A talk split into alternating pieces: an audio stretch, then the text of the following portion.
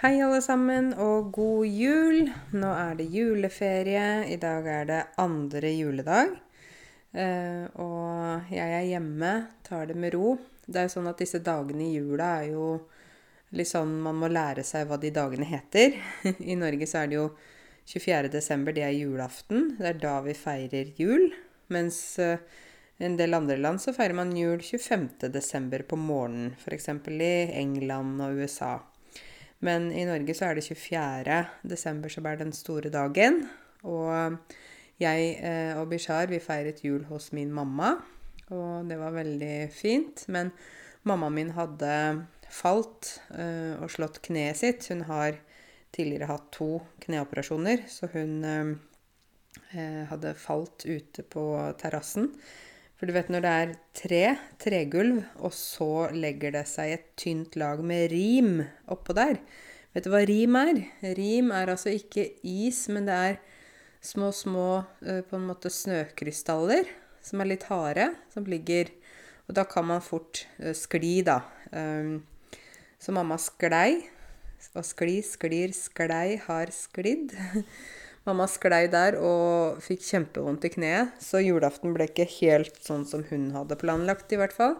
Hun liker jo da å gjøre alt selv og vil ikke ha noe hjelp og vil at liksom alle skal bli servert, men nå måtte hun faktisk akseptere å bli servert selv. Uh, og jeg setter jo pris på å kunne hjelpe mammaen min, uh, fordi hun, hun, er litt sånn som Typisk norsk, ikke sant. Nei, jeg skal ikke ha noe hjelp. Jeg trenger ingenting. Jeg klarer det selv. Eh, jeg trenger ikke å spørre noen. det, er veldig typisk eh, mange nordmenn, vil jeg si. Så nå måtte hun faktisk sitte i sofaen og si ja, kan du ta ned den tallerkenen fra det skapet, kan du hente litt vann, kan du gjøre sånn, kan du gjøre sånn. Så der fikk hun testet sin uh, toleranse for å Ja, for å være litt mer sånn mottagelig for hjelp, da. Så vi hjalp henne, og jeg hadde laget da Dere vet at jeg ikke spiser kjøtt, så jeg spiser ikke ribbe eller pinnekjøtt eller medisterkaker på julaften. Men jeg spiser vegisterkaker. og noen syns det er veldig rart og spør hva er det er for noe, og hva er det i de vegisterkakene. Um, nei, i de vegisterkakene, sånn helt kort, så er det ris, havregryn, blomkål. Og så hadde jeg persille, en type krydderurt. Og så hadde jeg eh, muskat, malt muskat, malt ingefærpulver og salt og pepper. Ja, og så kjørte jeg det da i en eh, sånn food-prosessor. Å kjøre noe i food-prosessor, det betyr at man putter alt oppi den kjøkkenmaskina. Setter man på knappen, og så blir alt blandet og most, og slik at det blir en sånn type nesten som en deig. Du vet når du lager boller og sånn. Det ser nesten sånn ut, da. Så jeg kjørte alt det i foodprosessor, eller i kjøkkenmaskina. Og etterpå så eh, stekte jeg de. Da bruker jeg eh, Det er egentlig akkurat det samme som når man steker medisterkaker, eh, som er da laget av kjøtt. Jeg, brukte, jeg pleier å bruke sånn hansker, for det blir litt klissete. Vet du hva klissete er? Det er litt sånn eh, F.eks. hvis du går på ski, eh, og hvis du ikke har sånne smørefrie ski, men du må ta under, så tar du på voks, skivoks, eller eh, klister, hvis det er eh, behov for det. Det er veldig klissete. Betyr at når du tar på det, så setter det seg på fingrene dine og sånn. Og den vegisterkakedeigen, den er også veldig klissete, så jeg liker å bruke hansker.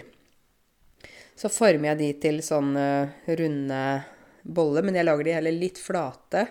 Fordi at hvis de blir for runde, så blir de ikke gjennomstekt.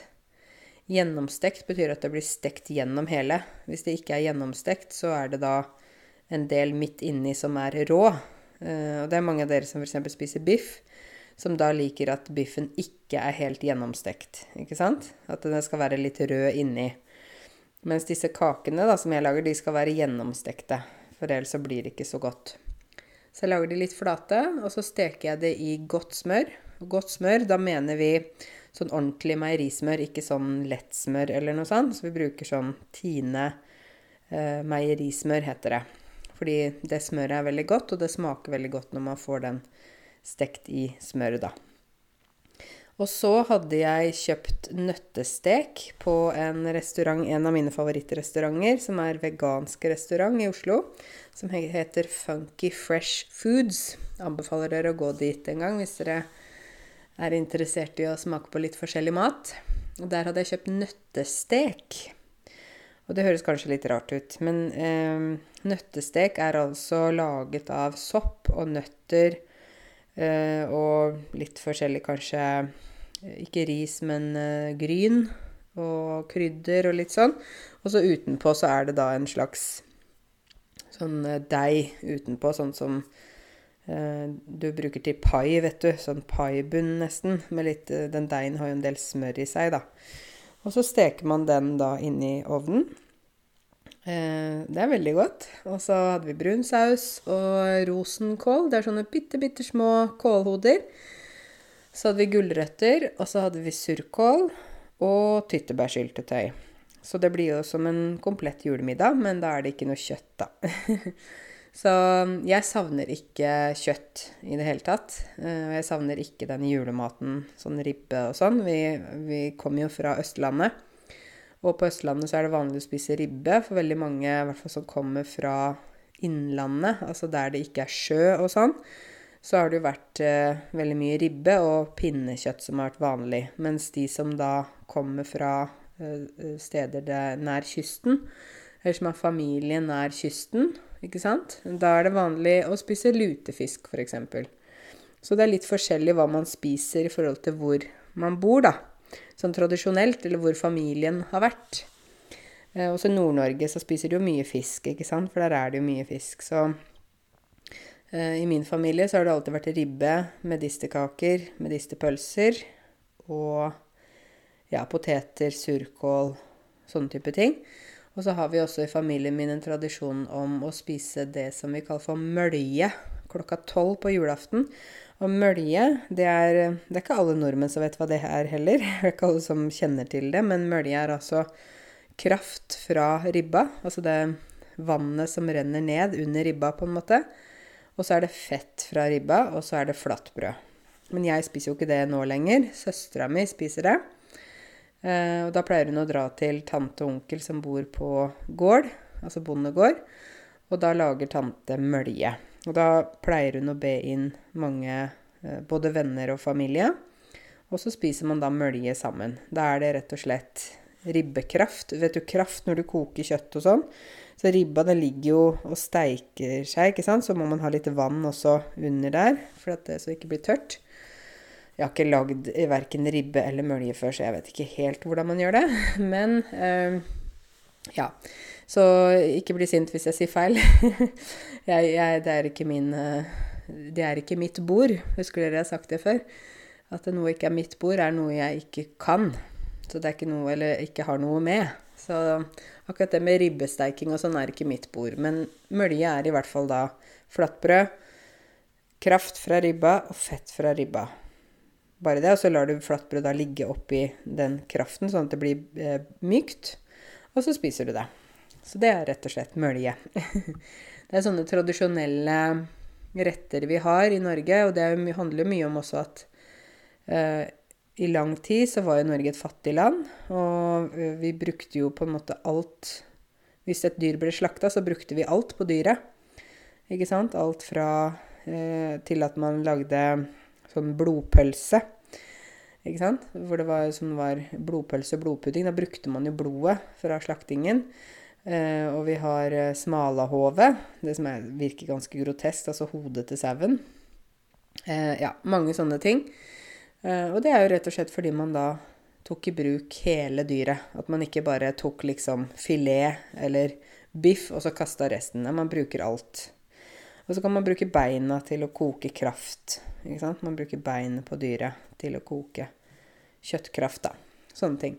Så mølje er jo en av de Eh, rettene som også er der man bruker alt. Da bruker man istedenfor å bare kaste den krafta fra ribba, så bruker man det og lager en rett ut av det. Jeg syns jo det er fint når man bruker alt, da. Det, det, liker jeg, selv om jeg ikke liker dette med slakt og dyr og ja, sånne ting. Um, ja, så julaften var uh, veldig fin og rolig, og det var uh, Ja. Helt sånn OK. Det var liksom mamma som satt på sofaen med beinet opp. Stakkars. Og så fikk jeg litt gaver, og så så vi på litt sånn julefilmer, og vi fikk noen bøker som vi satt og leste i, og det er litt sånn rolig kveld, da. Og søstera mi var hos uh, familien til samboeren, uh, fordi at uh, pga. korona så kan man jo ikke være med så mange mennesker.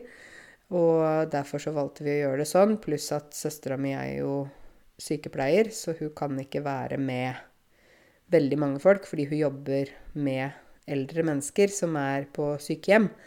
Og da må hun være veldig forsiktig med hvor mange hun omgås med. Og omgås betyr at man er sammen med, da. Ja. Så det er eh, eh liksom den jula der. Veldig fint. Og så 25. Det er første juledag. Det heter første juledag. Så Bishar og jeg vi overnatta hos mamma for å hjelpe henne litt også dagen etterpå. Eh, og så da 25. så dro vi tilbake til Oslo. Nå er vi jo i det nye huset, så vi har liksom funnet roen her. Vi holder på stadig å pusse opp litt og litt. Ikke, ikke pusse opp, men male, finne farger til rom og Ja, du må ta det litt for litt. Man sier uh, man må bo seg til. Å bo seg til betyr at man på en måte må finne sin stil og det man liker best og sånn, men det tar tid. Man kan ikke bare finne alt over på en måte på to dager, og så er hele huset sånn som du vil ha det. Det tar gjerne tid å bli fornøyd, og tar litt tid å liksom finne ut hva man vil ha, da. Så vi tar det bare rolig. Eh, vi henta to stoler på finn.no. Var sånne lenestoler. Fordi jeg syns det er veldig fint å kjøpe ting fra Finn. Fordi det er mye fint der. Du kan få unike ting også, men det er også miljøvennlig. Og det er sånn på en måte motpol til bruk-og-kast-kultur. En motpol betyr da det motsatte. Det er det motsatte av bruk-og-kast-kultur, eller ukultur. Og bruk-og-kast-kultur, det er liksom det, det er jo det når vi handler ting hele tida, og så blir vi lei det, og så kaster vi det, og så kjøper vi nye ting, og så kjøper vi ting, ting, ting hele tiden. Det er jo litt av det samfunnet vi dessverre lever i nå. Eh, men jeg tror også en del har fokus på gjenbruk og ønsker å kjøpe brukte ting og bruke de på nytt. Jeg syns det er veldig bra. Jeg vet jo en del som eh, både selger og kjøper barneklær på Finn. Og det tenker jeg er veldig smart, fordi barn de leker, de blir skitne, de får hull på klærne sine, særlig i barnehagen og sånn. Og da er det jo veldig fint hvis man kjøper brukte klær som man ikke er redd for. 'Å, den fine buksa, du kan ikke bli møkkete', ikke sant? Altså, barn må få lov til å være barn. Barn må få lov til å leke, bli skitne, eh, grise Sitte i sanda og leke og bygge sandslott. Altså, ikke sant? Barn må få lov til å ikke bare være pene og rene hele tiden. Jeg tenker sånn Noe av det som jeg ser tilbake på med min egen barndom, som jeg setter veldig pris på, er jo det at jeg og søsteren min vi fikk lov til å leke ute. Og det var ikke sånn at vi måtte sitte og være perfekte hele tida. Vi var jo mye ute. Vi klatra i trær. Vi løp, vi sykla, vi akte om vinteren, gikk på ski. Bygde hytte i skogen. ikke sant? Vi var mye ute, og selvfølgelig ble vi møkkete. Møkkete eller skitne. Det er litt forskjellig hva folk sier. Men vi sier mye møkkete på min dialekt, da. Altså at man ikke er ren. Vi ble ganske møkkete. Eh, men vi hadde heller ikke klær som var dyre. Ofte så hadde vi arva klær. Og arve, ikke sant, det hvis Det bruker vi egentlig hvis noen dør. Altså hvis f.eks. bestemor dør, så arver du huset til bestemor. Men det trenger ikke bare handle om at noen er dødd. Man kan også arve ting fra folk som lever. Så f.eks. Eh, barn kan arve klær av sine søsken eller av barna til venner. Ikke sant? Hvis man eh, har eh, fått store barn, og så trenger man ikke de klærne, så kan jo da andre barn arve de klærne og bruke de videre. Så det syns jeg er veldig fint, for da, da har man liksom litt mer sånn Ja. I stedet for at man bare kjøper nytt hele tiden, da. For det kan jo brukes igjen. Uh, og det er mye bedre å ha sånne såkalte barnehageklær, tenker jeg, enn at man har ja, bare nye, pene, dyre klær hele tida. Av og til kan man ha det og kan pynte seg og sånn, men man må ikke stresse så fælt. Jeg husker jo jeg, da jeg studerte til å bli lærer, så hadde vi praksis. Man har jo mye praksis når man studerer eh, til å bli lærer. Og på lærerutdanningen, da jeg studerte, så var den på fire år. Og da hadde vi eh, totalt hvert år ca. tre måneder praksis. Altså vi hadde praksis på høsten og på våren. Og den praksisen var obligatorisk. Og vi fikk ikke noe lønn for det, eller noe sånt, for dette var jo for å trene for å bli, liksom, lære mer om det å være lærer sånn i, i virkeligheten, da. Og da husker jeg hadde praksis på en skole på vestkanten i Oslo. og Der er det jo en del folk som har en del penger, og der på en måte Ja, en del av barna går med veldig dyre klær og sånn. Og så husker jeg så godt en gutt som uh, han satt i klasserommet, det var vinter da vi hadde praksis. Og så satt han og plutselig begynte å gråte. Og stressa, liksom. Så sa jeg, hva, hva er det for noe? Og så sa han, kan jeg ta jakka inn i klasserommet? Jeg sa ja, ja, men vi skal ikke ha jakken inn i klasserommet, de må henge på gangen. Ja, men jakka mi kosta 10 000 kroner. Han gråt, vet du, og var helt fortvila. 10 000 kroner, sa jeg. Ja, og jeg vil ikke at noen skal stjele den. Oi. Så da ble jeg veldig sjokkert, altså. En, jeg tror han var ti år, jeg. Ja, og jakka kosta 10 000 kroner. Jeg ble helt sjokkert. Så han ikke sant? Det er det jeg mener med sånn klær man, som er så dyre at man er redd for det, da. Det tenker jeg er ikke så veldig bra. så ja. Eh, det var eh, noe jeg husker fra praksis. Vi hadde praksis, altså Jeg husker jeg hadde første praksisen min på Ammerud skole. Eh, ikke så langt fra der jeg bor nå. Jeg bor jo på Grorud. Og så hadde jeg andre praksisen min eh, Nå vet jeg jeg hadde på Ammerud. Første året hadde jeg bare på Ammerud. Vår, eh, høst og vår. Og neste år hadde jeg da på Skøyen barneskole. Og så hadde jeg på en ungdomsskole, Midtåsen ungdomsskole, nei, tror jeg, oppe i Holmenkollen. Og så var jeg i Holmlia. Eller oppe i Holmlia der. Uh, ja, så jeg var forskjellige steder og hadde praksis. Og det som var fint, var at vi fikk jo se forskjellige skoler, og se hvordan forskjellige lærere jobba. Uh, hva slags praksis det var i de ulike skolene. Uh, vi tok jo med oss erfaringer fra forskjellige steder. Og jeg vet jo det er mange som uh, f.eks. er arbeidsledige, og så får de tilbud om praksis fra Nav. Og så er det ikke alle som vil ta praksis, fordi de mener det er, det er gratis jobb og sånne ting. Men jeg mener at praksis, sånn som når vi var studenter, da, så fikk vi ikke noe penger for det, men vi fikk erfaring, og vi måtte planlegge og gjøre alt selv, så vi lærte jo veldig mye. Og så fikk jeg faktisk flere jobbtilbud når jeg var ferdig med praksisene mine, fordi de hadde jo blitt kjent med meg, de hadde sett hvordan jeg hadde jobba, ikke sant, og så de sa at ja, når du blir ferdig utdanna lærer, så må du ta kontakt med oss, for vi er veldig interessert i å ha deg som lærer hos oss. Og, og, de ordene hadde ikke jeg fått hvis ikke jeg hadde hatt den praksisen, da. Men jeg vet jo noen steder at det har vært utnyttelse av uh, praksiskandidater, altså der man har fått en praksis gjennom Nav eller gjennom kommunen. Og så har man hatt praksis i tre måneder, og så har det blitt seks måneder, og så har man fortsatt ikke fått noe jobb, da. Altså noe vikariat eller midlertidig stilling eller noe sånt. Og da, da begynner det å bli feil. For da er det jo liksom sånn Når skal man på en måte få den muligheten, da? Så jeg tenker at man må øh, Det må være en balanse. Det kan ikke være sånn at man skal ha praksis i ett år, og så er det ingen jobb øh, i sikte. Da er det jo faktisk bare utnyttelse. Men hvis praksisen kan lede til jobb, da kan det være veldig lurt å ta en sånn praksisperiode, slik at man får vist seg, da. Vist hvem man er. Det, det tenker jeg kan være positivt. Ehm, jeg lagde jo en video for en stund siden om eh, norskkurs støttet av Nav. Jeg vet ikke om dere så den.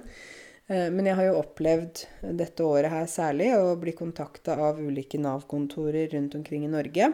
Eh, der de ønsker norskkurs for én deltaker her og én deltaker der.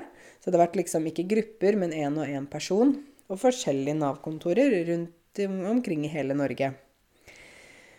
Um, og um, det som jeg har sett, er at Nav faktisk forstår at uh, med nettkurs, sånn som vi har, da, vi har jo nettkurs på alle nivåer, så er det en veldig fin løsning, fordi deltakeren kan starte med en gang. Uh, med en gang Nav har liksom godkjent kurset, så kan de starte. Og så får Nav da øh, noe tiltak for dem. Altså det betyr at de ikke sitter og bare f.eks. er arbeidsledige og ikke har noe å gjøre. Men Nav øh, får satt den deltakeren i aktivitet, slik at deltakeren gjør noe som gjør at øh, han eller hun er nærmere jobb, da. Så la oss si man ikke får jobb, eller man er arbeidsledig, har mista jobben eller noe sånt, og så er man kanskje ikke god nok i norsk. Man trenger kanskje mer norsk for å kunne ha bedre sjanse til å få en jobb. Eh, da kan et sånt kurs være veldig bra. Og etter jeg lagde den videoen på YouTube om at du kan spørre Nav om du kan få kurs Jeg kan lage et kurstilbud. Da lager jeg et sånt brev der jeg skriver eh, litt om skolen vår, skriver litt om kursene, hvilket nivå eh, du kan ha kurs på, hvor mange måneder den personen trenger, hvor mange ekstra timer man har med lærer og sånn. Så setter jeg opp to forskjellige forslag med ekstra samtaletrening og uten. Den med ekstra samtaletrening er selvfølgelig dyrere. Um, og så har jeg da sendt det brevet til uh, deltakeren, eller den personen som har spurt meg. De har jo spurt hei, Karense, kan jeg få et kurstilbud og sende til Nav. Ja, så har jeg laget det. Uh, og når jeg laget den videoen, så jeg tror jeg fikk over 400 e-poster på et par dager fra folk som gjerne ville få kurstilbud. Men nå var det ikke alle som det var aktuelt for. For de som da ikke fikk noe økonomisk støtte fra Nav, altså sosialhjelp, dagpenger, eh, arbeidsavklaringspenger eller sånn ja, økonomisk hjelp fra Nav, de får ikke støtte fra Nav. Eh, fordi at de er ikke på en måte de er registrert i systemet som arbeidsledig, men de, de, får ikke noe penger fra Nav, da. Så det Nav ønsker, er jo at folk skal komme ut i jobb, og at de ikke skal få penger fra Nav. Ikke sant? Det er det. Kort fortalt så er det det Nav ønsker, da. Um, så um, da ble det sånn at um, de fikk dette kurstilbudet. Det var en del som fikk nei. Men så var det flere som fikk ja, fordi da, da snakket saksbehandleren deres med lederen på Nav-kontoret. Og sa det at hei, kan, kan, Marina få dette norskkurset i tre måneder? Hun skal ta norskprøve i mars. Eh, hun trenger B2 for å kunne få bedre jobb. Eh, dette er et kurs hun kan starte med når som helst. Det er på nett, så hun kan også uh, gjøre det i tillegg til praksis, f.eks.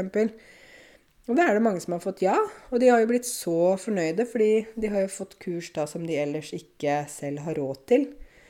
Og så uh, fikk de mulighet til å få et kurs. Og, og, flere har jo da blitt bedre i norsk og vil nå ha bedre muligheter for å kunne få en bedre jobb i Norge, da. Eller for å få en fast jobb også. Så hvis du som lytter til denne podkasten nå er i den situasjonen at du mottar økonomisk hjelp fra Nav, trenger mer norsk for å stille sterkere i arbeidslivet Å stille sterkere betyr at man har bedre sjanse eh, pga. at man har god nok kompetanse. Eh, så må du bare gjerne sende meg en e-post, og så kan jeg lage kurstilbud. Det er jo ofte sånn at Nav vil at man skal ha plan om å ta en norskprøve. Fordi at eh, liksom, man skal ikke bare få norskkurs uten, en, uten et mål. Man kan ha norskkurs for å ta norskprøven, fordi norskprøven kan hjelpe til å få jobb. ikke sant? Det er sånne ting, da. Så jeg syns bare det er så hyggelig at det er flere folk som har fått kurs innvilget fra Nav. Innvilget betyr at det er blitt godkjent. Det betyr at de skal betale kurset for den personen det gjelder. Um, så vi har ganske mange deltakere nå fra forskjellige deler av landet. Altså Nord-Norge, Trøndelag, Bergensområdet, Oslo, Hamar uh, Ja, overalt. Finnmark. så men jeg ser jo at det er litt variasjoner mellom Nav-kontorene også. Noen Nav-kontorer der er det liksom bare nei. Svaret er nei. Mens andre Nav-kontorer er mye mer åpne. Så det der er veldig, veldig forskjellig, da, egentlig. Men eh, jeg tror at det er en bra ting. Altså jeg tenker at det er en bra ting, egentlig. At man har mulighet til å kunne ta et kurs som du kan starte når som helst, og som er tilpassa dine behov. Det er jo bra. Så det er gøy. Um, når det gjelder um, jul og nyttår og sånne ting, så er det jo sånn at disse dagene som sagt er litt rolige. Vi holder oss jo inne. Uh, vi går kanskje, kanskje, på turer. Men så er det jo mye av butikkene sånn som er stengt. Og så er det ofte romjulssalg, og det åpner jo da i morgen, 28. Og da er det ofte fullt kaos. Og noe av grunnen til det er at folk har fått penger og gavekort til jul som de vil gå og kjøpe seg noe for. Noen har fått gaver som de vil bytte. Andre har lyst til å kjøpe ting på salg. Og så blir det litt sånn kaos, da. Um, jeg syns jo det er bedre å gå i butikkene når det ikke er så mange folk, og særlig nå som det er den koronaen, da, så vil jeg jo gjerne være litt forsiktig. Men uh, det er i hvert fall uh, fint å kunne bruke dagene, tenker jeg nå, på å ta det litt rolig. Altså det er jo uh, Av og til så er vi så stressa. Ikke sant? Vi stresser, vi, vi, holder på, vi jobber, vi lager mat, vasker hus, eh, trener, passer barn. Eh, gjør alt. Så Det er litt fint å kunne ha mulighet til å roe litt ned. Ta det litt med ro. Det setter jeg pris på. Jeg har jo drevet og malt litt forskjellige ting her hjemme nå. Sånn, du vet hvis du har et møbel F.eks. vi hadde en kommode her eh, som eh, var rosa. Fordi i det forrige huset så hadde jeg en rosa vegg. Eller ikke, ikke knall rosa, da, men sånn dempet rosa. Eh, så nå malte vi den hvit. Eh, gjøre litt sånne småting hjemme. Pusle litt. Vi kaller det for å pusle. Pusle bruker vi også for puslespill, når vi pusler sammen eh, brikker ikke sant? til et helt puslespill. Men vi kan også si det jeg pusler litt hjemme. Det betyr at du gjør litt småting og gjør det litt rolig og ja, ikke noe stress. Så jeg liker å pusle litt hjemme. Så jeg har pusla litt hjemme i jula. Eh, og eh, ved nyttårsaften så får vi besøk av et vennepar. Eh, de kommer fra De bor på Kirkenær, så det er jo ja, hva er det, 20 minutter fra Kongsvinger. Eh, så de kommer hit til Oslo. De har egentlig veldig lyst til å flytte til Oslo. De er fra Kenya. Um, men så er det ikke så lett å få jobb i Oslo, da. Det er jo mange som vil bo i Oslo. ikke sant? Så det er sikkert mange av dere også som kanskje ønsker å flytte til en større by, eller at dere er vant til å bo i en stor by. Og så er det dette med eh, ja, å finne en jobb. Og så er det konkurranse, ikke sant. Mange som vil ha jobb her i Oslo, og da blir det mange om beinet. Det er et uttrykk. Mange om beinet betyr at Altså bein, du vet sånn bein som en hund spiser på, ikke sant? Når du kaster bein til hunden.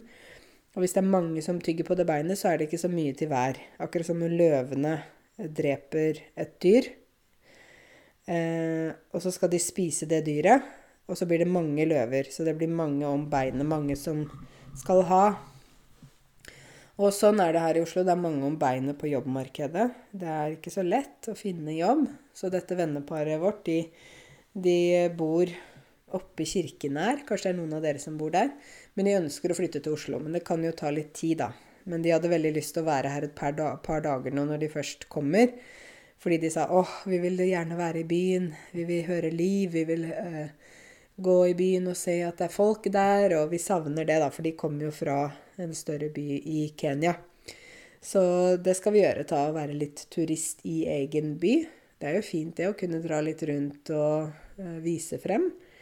Det er ofte sånn når du er turist der du bor, eller altså du er turist fordi du får besøk, så ser man jo ofte uh, stedet der man bor med nye øyne. Så eksempel når jeg viser frem Oslo til folk som ikke bor i Oslo, ikke kjenner Oslo, så så blir jeg veldig stolt av byen min. Syns det er veldig flott her. Og så, og så ser, jeg det, ser, jeg det, liksom gjennom deres øyne, da. Når de ser på liksom, stedene vi går og sånn, så blir de Oi, wow, oi, det var sånn. Å, så fint. Så da blir jeg litt sånn på en måte inspirert, da. Eller syns det er veldig flott. Så vi skal være litt turister i egen by. Det blir spennende. Så jeg vet ikke hva dere skal gjøre i jula, og jeg vet ikke om dere feirer jul eller sånne type ting. Men Um, jeg tror at veldig mange som er i Norge, i hvert fall mange i verden også, på en måte feirer jul. Ikke nødvendigvis av religiøse grunner, men liksom at det er en familietid når man samles, um, er sammen med gode venner og familie, spiser god mat, ser på gode filmer, leser gode bøker. Det er en sånn type tid. Og her i Norge så er det jo sånn nå at barnehagen er stengt, skolen er stengt, eh, butikken er stengt, eh, mye.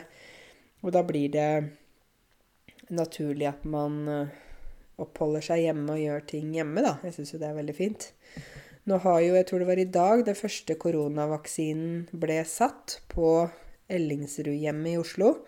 For det var også det første sykehjemmet som fikk korona. Det var vel 14. mars de fikk det. To dager etter at Norge stengte ned. Um, så uh, jeg leste det på nyhetene i stad, og jeg tror Erna, Solberg sa at det, dette er som en frigjøringsdag. det var litt uh, store ord. Altså frigjøringsdag er jo uh, Her i Norge så er det jo Vi har jo frigjøringsdag etter andre verdenskrig, ikke sant? Altså når vi ble fri fra tyskerne i 1945, så feirer vi da den dagen som det, vi ble eh, frie. Det kalles for frigjøringsdag. Men at dette her med den første koronavaksinen var en slags frigjøringsdag, er jo også litt sånn eh, ja, symbolsk måte å snakke på. Eh, fordi det betyr at vi er frie. Eller at, vi, at det, det Frigjøringen og frigjøring betyr å gjøre fri. At vi blir fri. Så at det at vi har fått noen første koronavaksinen, og den er allerede satt på en pasient, det betyr at vi er et steg nærmere mot å bli fri eh, for korona. Det er en lang vei å gå. Det er ikke sånn at alle får vaksine med en gang. Det vil ta tid, og det er jo sånn at det er eh, prioriterte grupper, ikke sant. Først nå er det jo de eldre som er syke og bor på sykehjem. Og så er det vel også andre med eh, livstruende sykdommer. Livstruende betyr at det er sykdommer som du kan eh, dø av. Ikke sant? At du har alvorlige sykdommer. Og så er det vel også helsepersonell, de som jobber da med folk som er syke. Og så Jeg tror jeg kommer sist i rekka. Å komme sist i rekka betyr at man, man, kommer sist, rett og slett. Å stå på rekke, ikke sant, det betyr at man står på en slags Som en kø, da. Og den som står sist i rekka, den får sist, ikke sant? så Men jeg, jeg tenker jo at jeg um, vil fortsatt bare holde på uh, de restriksjonene som er satt, med munnbind og avstand og ikke være med så mange folk. Men så er det veldig sånn Det er noe sånn mentalt frigjørende å tenke på at wow, nå eh, har vi fått det første vaksinen. Nå er vi et steg nærmere. Altså, det er veldig Det er helt fantastisk, egentlig, å tenke på det. Jeg er i hvert fall veldig glad, eh, og jeg tenker at eh, det vil ta lang tid før vi har fått vaksiner rundt overalt. Og jeg tror det er noen land som dessverre ikke vil få så mange vaksiner. Igjen, her ser vi jo da fattige og rike, ikke sant. Forskjell på land med gode systemer og land som ikke har gode systemer der det er mye korrupsjon. Altså det er veldig forskjeller uh, ute i verden, og det vil jo da koronapandemien også vise. Hvem får tilgang på vaksine? Hvem blir liksom reddet først? Altså jeg tror jo at mennesket er jo En del mennesker er også ganske um, egoistiske. Ikke sant? Det så vi jo når Norge stengte ned 12.3. Så ble det sånn at folk gikk på butikken og kjøpte F.eks.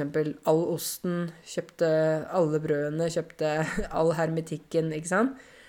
Og det tenker jeg er sånn Det er rett og slett sånn ren egoisme at man skal sikre seg selv. Uh, og jeg tror noen land, og noen ledere i noen land nå blir sånn Nei, vi skal sikre våre innbyggere. Og jeg vet at Canada f.eks. har kjøpt veldig mange, for mange vaksinedoser. Så, men jeg tror at Canada kommer til å distribuere det ut videre. Å distribuere betyr jo å sende ut, dele ut. Um, men, men, jeg tenker at det, det, bør være en rettferdig fordeling, da, slik at ikke bare de rikeste landene får vaksinert, også de andre da ikke får, og sånne ting. Så um, jeg tenker jo at um, Jeg syns det er fint at vi her i Norge har en sånn prioritert liste, og at man ikke bare kan komme og si OK, jeg gir dere en million, kan jeg få vaksine? Ikke sant? For det fungerer ikke sånn. Systemet vårt er bygget på eh, rettferdighet. Og det som er mest rettferdig nå, er jo at de som er i sårbar gruppe Altså sårbar gruppe betyr de som da har sykdommer, er gamle og som lett kan bli veldig dårlig eller dø av korona. De blir jo selvfølgelig prioritert først. Og så kommer vi Uh, som er friske og raske og sånn. Vi kommer jo til slutt. Jeg tenker sånn må jo bare være. Uh, og da må vi jo fortsatt Vi må ikke slappe av og bare si OK, nå er vaksine her. Da kaster vi munnbindet, og så er vi sammen med masse folk, og så bare uh, bryr vi oss ikke om det, for nå er det vaksine. Nei, det hjelper ikke det hvis, vi, hvis folk gjør det. Så jeg tenker at inntil vi på en måte har fått det helt rolig og og ting er mye mer under kontroll, så kan vi ikke slappe av. Ehm, vi må bare lære oss å leve med dette her, og ikke motarbeide det, tenker jeg da. Så sånn, sånn er det bare. Ehm, vi skulle jo egentlig ha bursdag for min niese i dag, for hun fyller eh, ett år. Men så var samboeren til søstera mi blitt uh, dårlig, altså fått influensalignende symptomer. Og da selvfølgelig må jo de i karantene.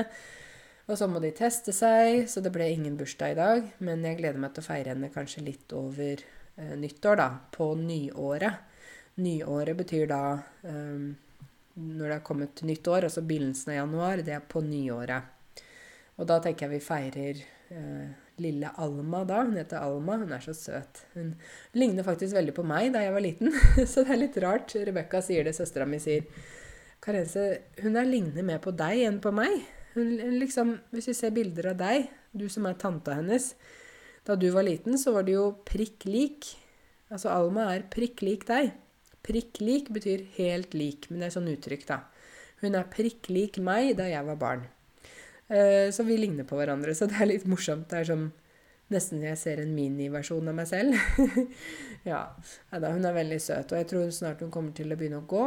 Fordi hun eh, reiser seg opp, og hun kan gå litt, men hun må holde i hånda lite grann. Men jeg tror snart at hun kan begynne å klare å gå, da.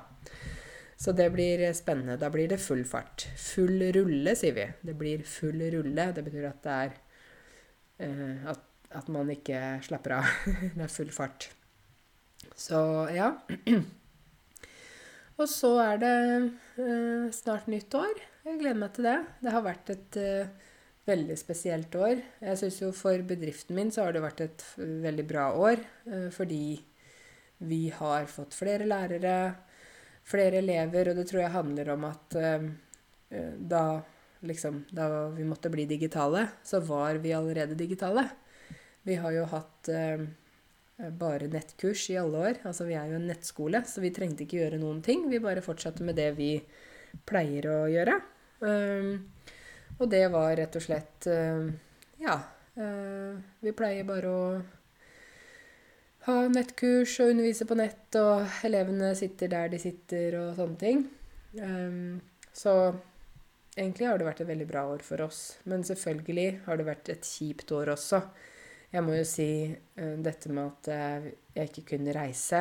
Selv om det er kanskje min egoisme som snakker, at, liksom, at jeg vil reise fordi jeg liker å reise. Jeg har ikke reist. Um, jeg har vært i Danmark i august, ellers så har jeg ikke reist. Um, men selvfølgelig savner jeg å reise. Jeg skal ikke uh, si noe annet. Det er ikke til Vi sier uttrykk. Det er ikke til å stikke under en stol at jeg savner å reise.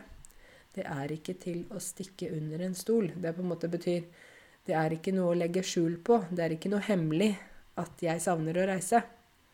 Så det er ikke til å stikke under en stol at dette året har vært annerledes. Likevel er jeg optimistisk. Vi har fått vaksine nå. Jeg håper i 2021 at jeg kan reise litt igjen. Jeg hadde jo plan om å reise til Sør-Korea i påsken. Det ble jo aldri noe av. Eh, og Sør-Korea ville sikkert ikke ha meg på besøk, jeg som kommer fra Norge. De har jo vært så fantastisk flinke til å uh, behandle den, det koronaviruset, og de klarte å slå det ned. Det har vært veldig lite smitte, men mange land i eh, Sørøst-Asia har hatt veldig gode eh, tall, da. Altså sånn veldig få som har fått korona. F.eks. Vietnam har det vært veldig få. Korea eh, Eller altså Nord-Korea Nei, ikke Nord-Korea. Sør-Korea. Nord-Korea vet jeg ikke noe om. Eller Nord-Korea har kanskje ikke hatt noe særlig akkurat smitte. Um, og det har vært uh, ja, flere land. Thailand uh, har blitt nevnt på som uh, veldig bra. Altså, så det er flere steder da, hvor det har vært lite smitte. Mens jeg tror sånn som her i Europa, så har vi jo ikke hatt noe pandemi på Jeg vet ikke. Sist gang var det spanskesyken, kanskje. eller noe sånt. Og det er veldig, veldig lenge siden. Så vi vi har mye å lære. Eh, og også i Afrika, der samtlige land har eh, tatt affære veldig raskt. De har tatt affære, det betyr at de har gjort noe.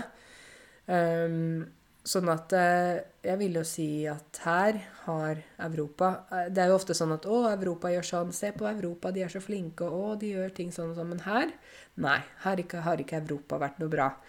Her, her, må vi lære av andre land. Vi må se mot andre land, og vi må ta med oss det de gjør, Eh, dersom det kommer noe sånt igjen, så må vi heller være bedre forberedt og vite mer om smittevern og hvordan vi skal takle en sånn uh, situasjon, da. Så jeg syns Europa har veldig mye å lære, og vi må være ydmyke for at det er mye vi ikke kan. Vi har en lang vei å gå mot å bli flinke flinkere når det gjelder kunnskap om uh, smittsomme sykdommer, smittevern, altså hvordan vi uh, passer på oss uh, selv når det gjelder, og andre når det gjelder det å ikke spre mer smitte. Altså alle sånne ting er på en måte noe som vi trenger å lære. For jeg syns ikke at vi har vært gode nok, rett og slett. Så jeg håper at vi kan med tiden bli enda bedre, og at vi faktisk kan Eh, dersom det kommer en sånn pandemi igjen, så er vi bedre rustet. Det jeg snakket om før, å være rustet betyr å være klar. Klar for å ta imot noe vanskelig.